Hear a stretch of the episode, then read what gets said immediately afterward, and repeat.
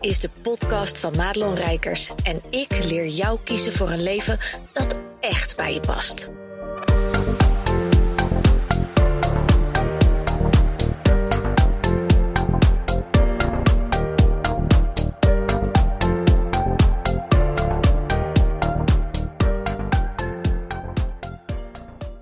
Hey, goed dat je luistert naar deze podcast. En ja, jongens, we zijn al bijna aan het einde van het jaar. Hoe vind je dat? Het is uh, ongelooflijk. En ik zit hier uh, s ochtends, het is kwart voor negen, als ik deze podcast opneem. En ik heb een uh, theetje ingeschonken. Ik begin mijn dag altijd met koffie. Ik ben echt een koffiemens. En zodra ik dan, nou ja, vaak twee bakjes koffie op heb. en ik begin aan mijn werkdag. In de winter maak ik dan altijd een pot thee. En die neem ik mee naar boven. Of tenminste, heet water. En dan heb ik hier een, een, een, zo'n laadje, weet je wel, zo'n zo'n zo'n plastic bakkenstellage van de, van de Action. Daar zitten dan allemaal schizzeltjes in voor kantoor. Maar er is één la en die is dan gevuld met allemaal theezakjes. Um, en ik heb van mijn allerliefste Marina, mijn, uh, mijn steun en toeverlaat, mijn uh, online business manager, die stuurde mij een fantastisch uh, kerstpakketje. En daar zat een, um, een ding in van Pukka, P-U-K-K-A. En dat was een soort, ja, het leek wel een soort adventkalender met allemaal theetjes. En ik heb op dit moment, het is allemaal organic tea. En ik heb nu een licorice en cinnamon. Nou, ik ben ook een ongelooflijk druk mens. En als je denkt, waar gaat deze podcast heen? Maak je niet druk, want we gaan het niet alleen maar over thee hebben. Maar ik dacht, als ik nou een dikke tip weet, dan uh, geef ik die graag ook even door als het, als het niet over uh, zakelijke dingen gaat. Maar ik vind het dus heerlijk in de winter om dan met een bak thee. En dan doe ik eigenlijk met zo'n pot, nou, drink ik iets van drie van die grote bekers weg. En dan ga ik in de middag over naar een fles water. Nou ja, en dan vind ik dat ik mijn vochtgehalte wel weer lekker op peil hou. Ik vind het altijd moeilijk. Ik, uh, ik heb tijden gehad, en dat is niet zo lang geleden. Dan had ik twee bakken koffie en dan dronk ik tussendoor eens even een slokje water of zo. Of een glaasje cola. Vind ik ook nog wel lekker cola zero. Uh, is natuurlijk bagger slecht voor je, maar toch. Uh, en, en dan ging ik eind van de dag over op een glaasje wijn. En twee, drie. En dan had ik eigenlijk niks anders gedronken dan koffie en wijn. Ja, nou ja, je kunt er dus op zich mee leven, maar het is niet echt aan te raden. Dus toen ik uh, op een gegeven moment ook een niersteen kreeg. En, en dit zal misschien ook helemaal TMI zijn, hè? too much info. Maar um, ja, toen moest wel het roer om als het gaat over de vochtinname. Dus zodoende ben ik uh, dat meer gaan doen. En ik zie ondertussen die thee echt donker worden, jongen. Uh, maar het ruikt echt heerlijk. Ik, ben, ik, ik vind drop en alles wat met drop te maken heeft. Ik ben verder geen zoete kou, geen snoepmens. Maar dropjes vind ik altijd lekker. Mijn moeder had vroeger van die dubbel zouten, weet je wel. Dat, echt zo'n Pavlov-effect. Als ik naar het potje keek, dan schoot al het speeksel achter mijn tong vandaan. En dat vind ik dan mooi, hè? hoe de mensen uh, geconditioneerd zijn. En weet je, misschien is dat ook wel het thema van deze podcast. Ik, toen ik eraan begon, ik, ik wilde iets zeggen over einde van het jaar. En nou ja, je kent het de hele riedeltje wel. Maar ik denk dat de conditionering het belangrijkste is om uh, dit jaar mee te gaan afsluiten. En als het goed is, hebben we nog een podcast te gaan voor dit jaar. Want ik laat je ook in de kerstvakantie niet in de steek. Ik zorg ervoor dat altijd al mijn content overal voor je staat. Uh, dus maak je geen zorgen mocht je dat wel doen. Ik weet dat mijn podcast inmiddels heel goed beluisterd wordt. Dat er wel nou ja, meer dan 10.000 downloads zijn. Iemand laatst dacht ik, oh ja joh, ik, het is echt heel erg hè. Dus dat moet je helemaal niet van mij aannemen. Um, maar ik ben dus de business coach die zich niet zo bezighoudt met de statistiek en de cijfers. Uh, wat natuurlijk niet zo handig is hoor, maar dat, dat staat wel op de planning voor het aankomende jaar. Maar het was echt te gaaf dat, um, volgens mij was het Lopke Bijman of zo, die, uh, die ging mij interviewen voor haar podcast. Uh, en die wees me daarop. En toen heb ik zelf eens even gekeken. Toen dacht ik, oh verhip, het is zo. Nou, reden voor een feestje natuurlijk.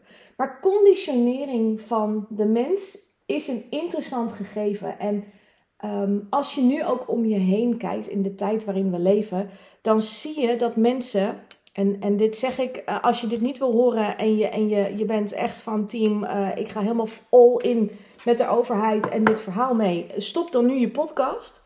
Want uh, ik ben het niet en ik ga me er ook niet over inhouden. maar ik wil je ook geen vervelend gevoel geven, want ik ben all inclusive, dus iedereen mag een mening hebben.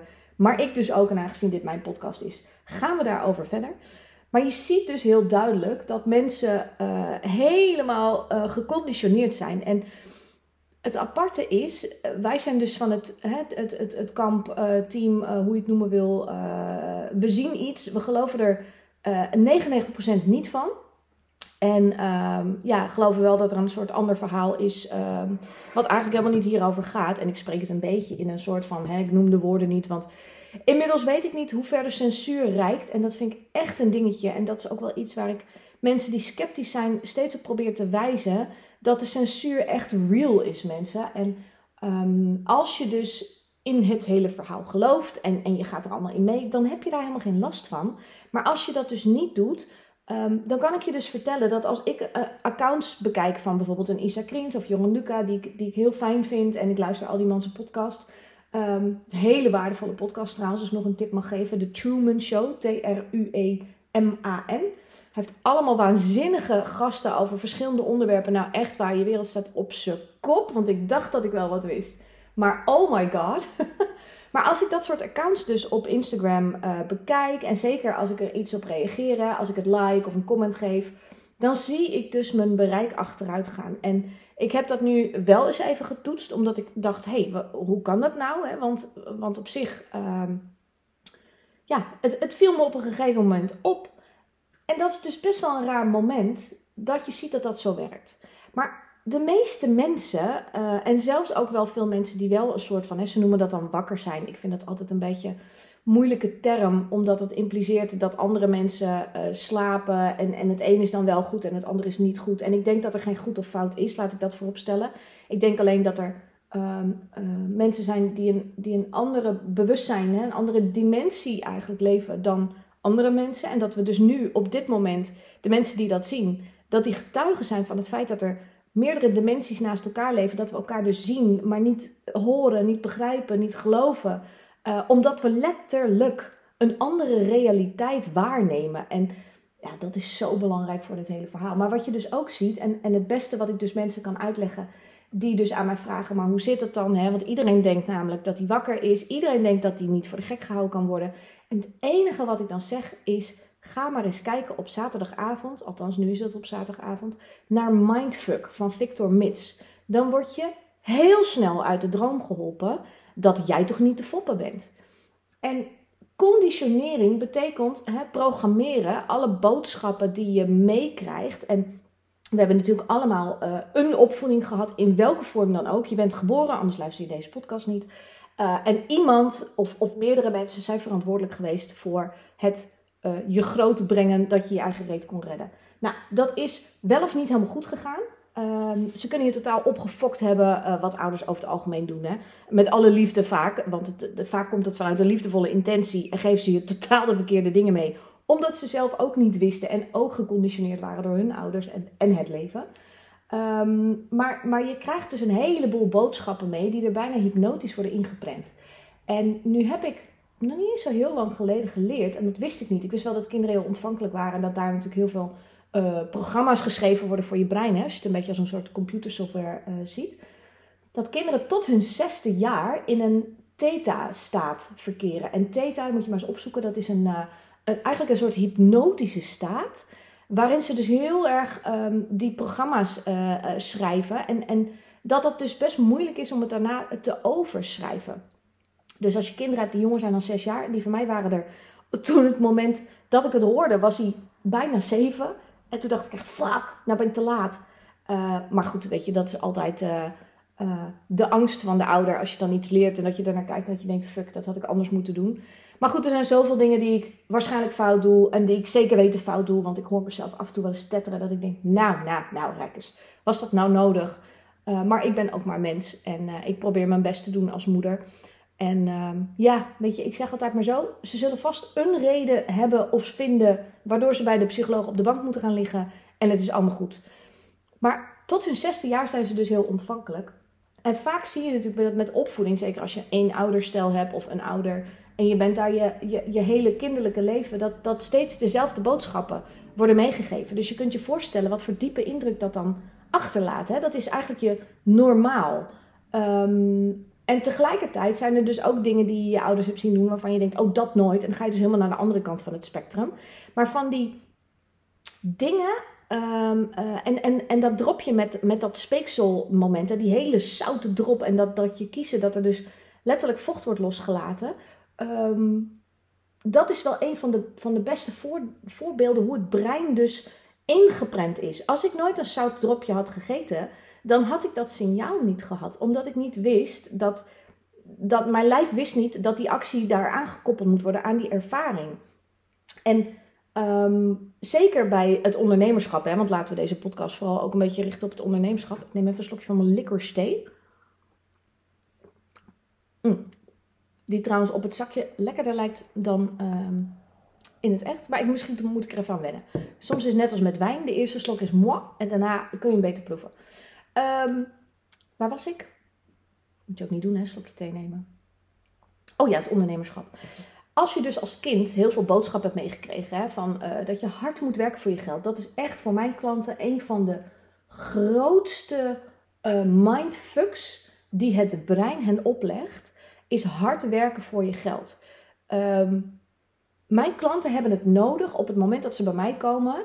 Want, want ze voelen het ligt ervan af en, en het loopt niet, het stroomt niet, de klanten komen niet in, in, in bosjes van tien aan je deur. Uh, de omzet zoals ze hem echt van binnen voelen wat haalbaar is, die zien ze niet. Er is wel omzet, maar het is allemaal dat je denkt, ja, voor het feit de input die je erin stopt en om je heen vliegen de tonnen bij collega's om je oren, weet je wel, dat werk. En het allerbelangrijkste wat ze eerst bij mij gaan doen en moeten doen, is in die rust zakken. Want je kunt vanuit een plek van uh, overstressing en gespannenheid, kun je geen magie laten ontstaan. Dus het allerbelangrijkste is in de achteroverhangmodus proberen te komen. En dat valt nog niet mee. Je hoort al dat ik zeg proberen. en dat komt omdat die overtuigingen, en dat zit ook in dat eerste, hè, mijn, mijn, mijn traject. Uh, het, het is maatwerk, mijn één op één traject, maar er zit, wel, er zit wel logica in. Er zit wel een soort volgorde in. Um, want die beperkende overtuigingen, die gaan oppoppen. Op het moment dat ik tegen jou zeg, hè, stel je voor je wordt bij mij klant, jij geeft mij geld, ik ga jou helpen, dan ga je naar mij luisteren. Waarom? Omdat je denkt, oh mijn god, red mij. Weet je, jij weet het, zo werkt het nu eenmaal. Ik leg ook mijn shizzle bij mijn eigen coach, dat ik denk, red mij. En dat hoeven ze natuurlijk niet te doen, hè. Dat, dat is even heel gechargeerd gezegd. Maar ik ga jou dus als eerste vertellen dat je um, uh, rust en ruimte moet gaan creëren. Uh, en als je een volle to-do-lijst hebt of een volle agenda, of er wordt aan alle kanten aan je getrokken en je hebt ook nog het gevoel dat je uh, wel iets moet doen, want als je het loslaat, ja, maar dat kan niet, want weet je wel, dan komen allerlei overtuigingen naar boven van ja, maar ik moet wel wat doen, hè, want anders heb je het niet verdiend. Dat is ook zo'n grote. Um, dan zie je dus heel snel welke dingen uit je opvoeding naar boven poppen. En, en uh, ja, niet goed genoeg zijn, dat is, dat is ook een hele grote. En dat zit hem in, in kleine dingen die continu dan gezegd werden. Hè? School, ik zie het nu bij mijn eigen kinderen ook. School focust op dat wat niet goed gaat. En uh, ondanks dat we alle leerkrachten, weet je, iedereen constateert dat al een tijdje. Dat het curriculum en het hele systeem van school ingericht is om dat omhoog te krikken waar iemand niet zo goed in is.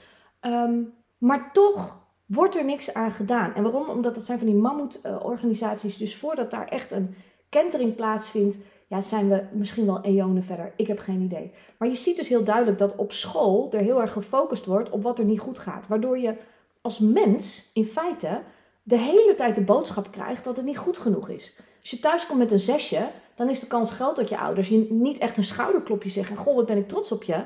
Maar dat ze zeggen, nou, dat is ook hak over de sloot, hè. En dat je het dan eigenlijk niet verdiend hebt. Want, want ja, met een 6, dat is nog maar net voldoende. En net voldoende is niet goed. Kunnen we over reden twisten natuurlijk. Ik bedoel, als iets voldoende is, dan is het voldoende. Ik heb het um, met bepaalde dingen ook gehad. Dat ik dacht, ja, maar waarom moet ik mijn ballen uit mijn broek werken om voor iets wat ik, wat ik niet zo heel goed kan, wat ik ook niet zo heel goed leuk vind, wat ik in feite mijn leven ook niet echt nodig heb, als dit voldoende is. Nou ja, en dat is wel, ik, ik, ik ben wel echt een werkpaard. Ik kan, ik kan echt me 100%, 1000% inzetten en helemaal vol ervoor gaan. Maar als er dingen me niet interesseren of ik kan het aan iemand anders uitbesteden, weet je, doe jij dat lekker. Doe ik waar ik goed in ben, wat ik leuk vind, ga jij dat doen. Maar zo zijn we natuurlijk niet opgevoed. En je ziet dus heel vaak dat het in, je, in het runnen van je bedrijf, dat, dat je daar allerlei beperkende overtuigingen en blokkades tegenkomt. Omdat je letterlijk soms de stem van je vader of moeder of opvoeder in je hoofd hoort, die zegt: uh, Ja, uh, je moet wel een beetje werken voor je geld. Hè? Ja, maar uh, kies je weer de, de, de makkelijke weg. En dat is een beetje ingewikkeld. Want als je nu werkt met bijvoorbeeld de wet van de aantrekkingskracht, wat ik ook doe, ook met mijn klanten, en je kijkt naar het spirituele deel, dan is juist de weg van de minste weerstand de juiste weg om te gaan. En dat staat zo haaks op wat wij geleerd hebben, zeker in Nederland. Hè? Nederland is lekker zo calvinistisch en oh, doe maar normaal, doe je al gek genoeg. Dat is ook zo'n dingetje. En juist als ondernemer, juist als je doet wat, wat jij en ik doen, uh, dan moet je niet normaal doen. Dat is het laatste wat je moet willen. Je moet met kop en schouders boven de rest durven uitsteken, je kop boven dat maaiveld gooien, zodat mensen weten dat jij er bent en dat ze weten dat ze bij jou moeten zijn. En je con-collega doet dat ook. En, en de mensen die daarop aanhaken, die gaan lekker daarheen. En iedereen is altijd zo bang voor concurrentie. Maar in feite, en ik heb er soms ook wel eens last van hoor, dat ik om me heen kijk en dat ik denk, oh, straks gaat iedereen naar die. Want die doet het zo goed en het ziet er allemaal zo mooi uit. En, maar dat is gewoon angst, dat is gewoon ego. Want er is geen concurrentie. Want de klanten die bij mijn concurrent aanhaken, zijn haar klanten, kunnen haar boodschap luisteren. En bevalt die boodschap niet, dan komen ze vanzelf wel bij mij. En niet helemaal vanzelf, dat begrijp je ook. Maar als ik mijn stem maar laat horen en als mensen weten dat ik er ben, dan hebben ze een keuze. Hé, hey, maar zij past, hè, die Madelon past eigenlijk beter bij mij. Of die ander past beter bij mij. Dat is vrije wil, vrije keuze. Maar aan mij dus de taak om te laten zien dat ik er ben niet normaal te doen, want ik ben niet per se normaal. En ik leid echt een heel normaal leven ik, als je mijn leven zou bekijken, dan is het echt heel degelijk. En zo voelt het voor mij dus niet. En dat wil ik zo graag mensen leren. Dat ze keuzes mogen maken die echt bij jou passen. Zonder dat dat dus allemaal excessief en rare toeters en bellen. Het mag, maar het hoeft allemaal niet. Ik ben op dit moment in mijn leven, terwijl de wereld in de fik staat en, en, en alles om me heen. Uh, ja, ik, ik mag eigenlijk niks, hè, want ik, ik, ik heb die prik niet gehad. Ik ga hem ook niet nemen. Ik ga me ook niet laten testen. Ik ben zo'n beetje de enige persoon uh, op de wereld misschien wel, ik weet het niet. nou, dat zal wel meevallen. Uh, die nog nooit een test heeft gedaan, zelfs niet eens een zelftest. En dat wou ik graag zo houden, als ik, uh, als ik heel eerlijk mag zijn. Het lijkt me namelijk inmiddels een sport om door deze tijd heen te kunnen komen in de geschiedenis. Zonder ooit een stok in mijn neus te hebben geroerd of een prik in mijn arm te hebben gehad. vind ik eigenlijk mijn nieuwe doel voor, voor de komende jaren. zo grappig goed daar dan, daar maak ik dan eigenlijk een soort spelletje van. Maar je kunt je voorstellen dat ik dus nergens heen kan, mag, et cetera. En dat voelt helemaal niet zo, want A, mis ik die dingen helemaal niet. Uh, en B, zorg ik dus voor alternatieven zelf. En als je die vaardigheden bezit, als je weet hoe je dat moet doen, als je weet wat je zelf nodig hebt en even los kunt komen, en ik zeg even, maar hè, dat, dat is best wel een proces als je dat niet zo makkelijk kan, los kunt komen van wat andere mensen er allemaal wel niet van vinden, als je los kunt komen van het feit dat, dat je hè, uh, raar aangekeken gaat worden door familie als je bepaalde keuzes maakt, ja, dan wordt je leven zo gelukkig. En ik kan dus oprecht zeggen, en dat meen ik vanuit mijn tenen, um, dat ik heel gelukkig ben met gewoon mezelf en mijn leven zoals het nu is. En als daar meer bij mag komen, dan is dat meer dan welkom. Maar zoals het nu is, ik voel me echt oké. Ik voel me tevreden, ik voel me relaxed. Ik heb van die uitschieters dat ik om me heen kijk en dat ik me echt letterlijk zielsgelukkig voel. Hè. Dan komt echt dat, dat verliefde vlindertje in je buik weer omhoog. Ik denk, oh ja, dat verliefd op het leven zou ik het willen noemen. En er zijn ook momenten dat ik huilend op een onder een dekentje op de bank wil gaan liggen. Want alles mag er zijn. Maar in de basis ben ik dus echt heel tevreden met hoe het gaat. En ja, dat is best gek in een tijd waarin we leven ik heb inmiddels wel geleerd dat uit de weerstand blijven, en dat is niet altijd haalbaar hoor, en, en niet altijd makkelijk, ook voor mij niet. Maar uit de weerstand blijven zorgt voor nieuwe input. En dat betekent dus ook, om maar even hè, het verhaal weer aan elkaar te vlechten, uh, waar we het over hadden, dat als mijn klanten bij mij komen en, en daar, daar zijn altijd dingen die borrelen en die moeten eruit. Hè, dat is de intuïtie of, of het pad, je zielsmissie. Geef het beestje maar een naam.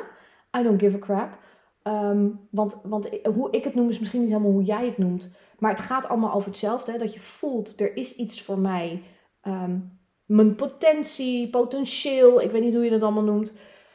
Dat moet eruit. Maar ik heb niet de tijd, nog de vaardigheden om, om te ontdekken. Wat is het dan en hoe ga ik dat dan doen? Want heel vaak weten mensen al wel een beetje van... Oh, maar ik, ik wil eigenlijk het liefste dat doen met dat soort klanten. Of, of meer integreren van... Uh,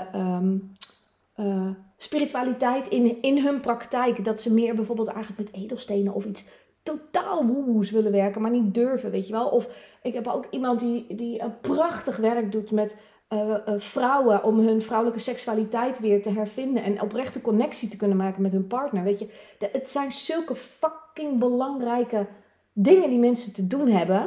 Um, en als je dus in die conditionering blijft hangen van je ouders, uh, met je moet en hard werken voor je geld en doe maar normaal. En dan blijf je dus in een kooitje zitten. En dan kan dus dat ware, dat, dat, die ware bedoeling, zeg maar, die, die voor jou is weggelegd, die kan er niet uit.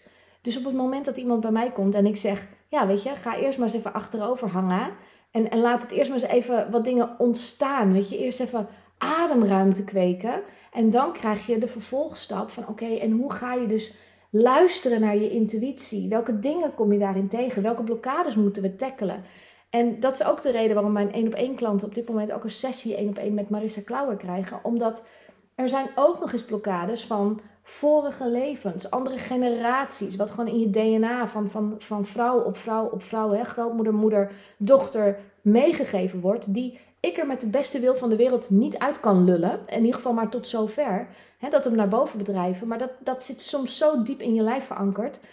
Dat hij vastzit. En, en daar is zij ongelooflijke meesteres in om uh, op energetisch vlak dat soort blokkades uh, te helpen opruimen.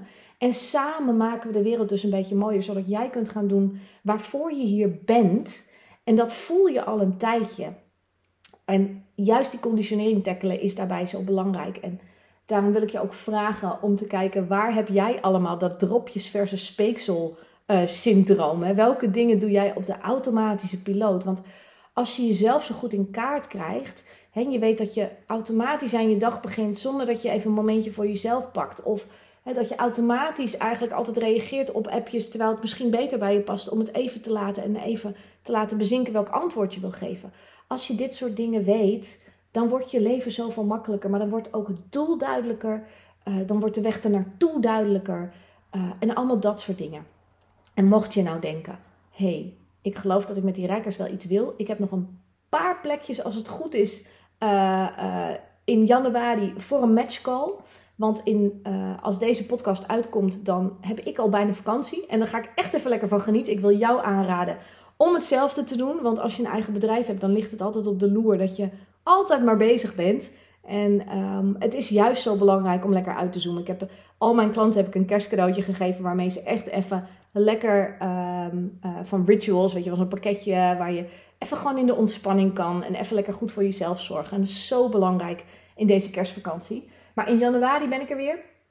Dus plan een matchcall als je zegt: volgens mij moeten wij even praten om te kijken of, of wij moeten gaan samenwerken.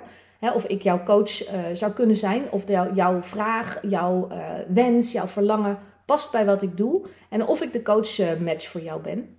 En dat kun je volgens mij op madelonrijkers.nl slash call uit mijn hoofd. Maar goed, als deze podcast uitkomt, ik zal de link er wel even bij zetten. Um, en dan kan je zelf even je, je afspraak plannen wanneer het ook jou schikt. En dan schikt het mij natuurlijk ook. En dan gaan we er even over bomen. Want 2022 wordt wat mij betreft een magisch jaar. En met zoveel mogelijk mensen om te activeren, om te doen waarvoor ze hier zijn. Zodat we dus met z'n allen de mensheid naar een nieuw level gaan tillen. En jij bent daar ook één van. Dus ik zie je hopelijk in januari. Goed dat je luisterde naar deze podcast. Wil je meer van mij weten? Check dan snel mijn Instagram of kijk op www.madelonrijkers.nl.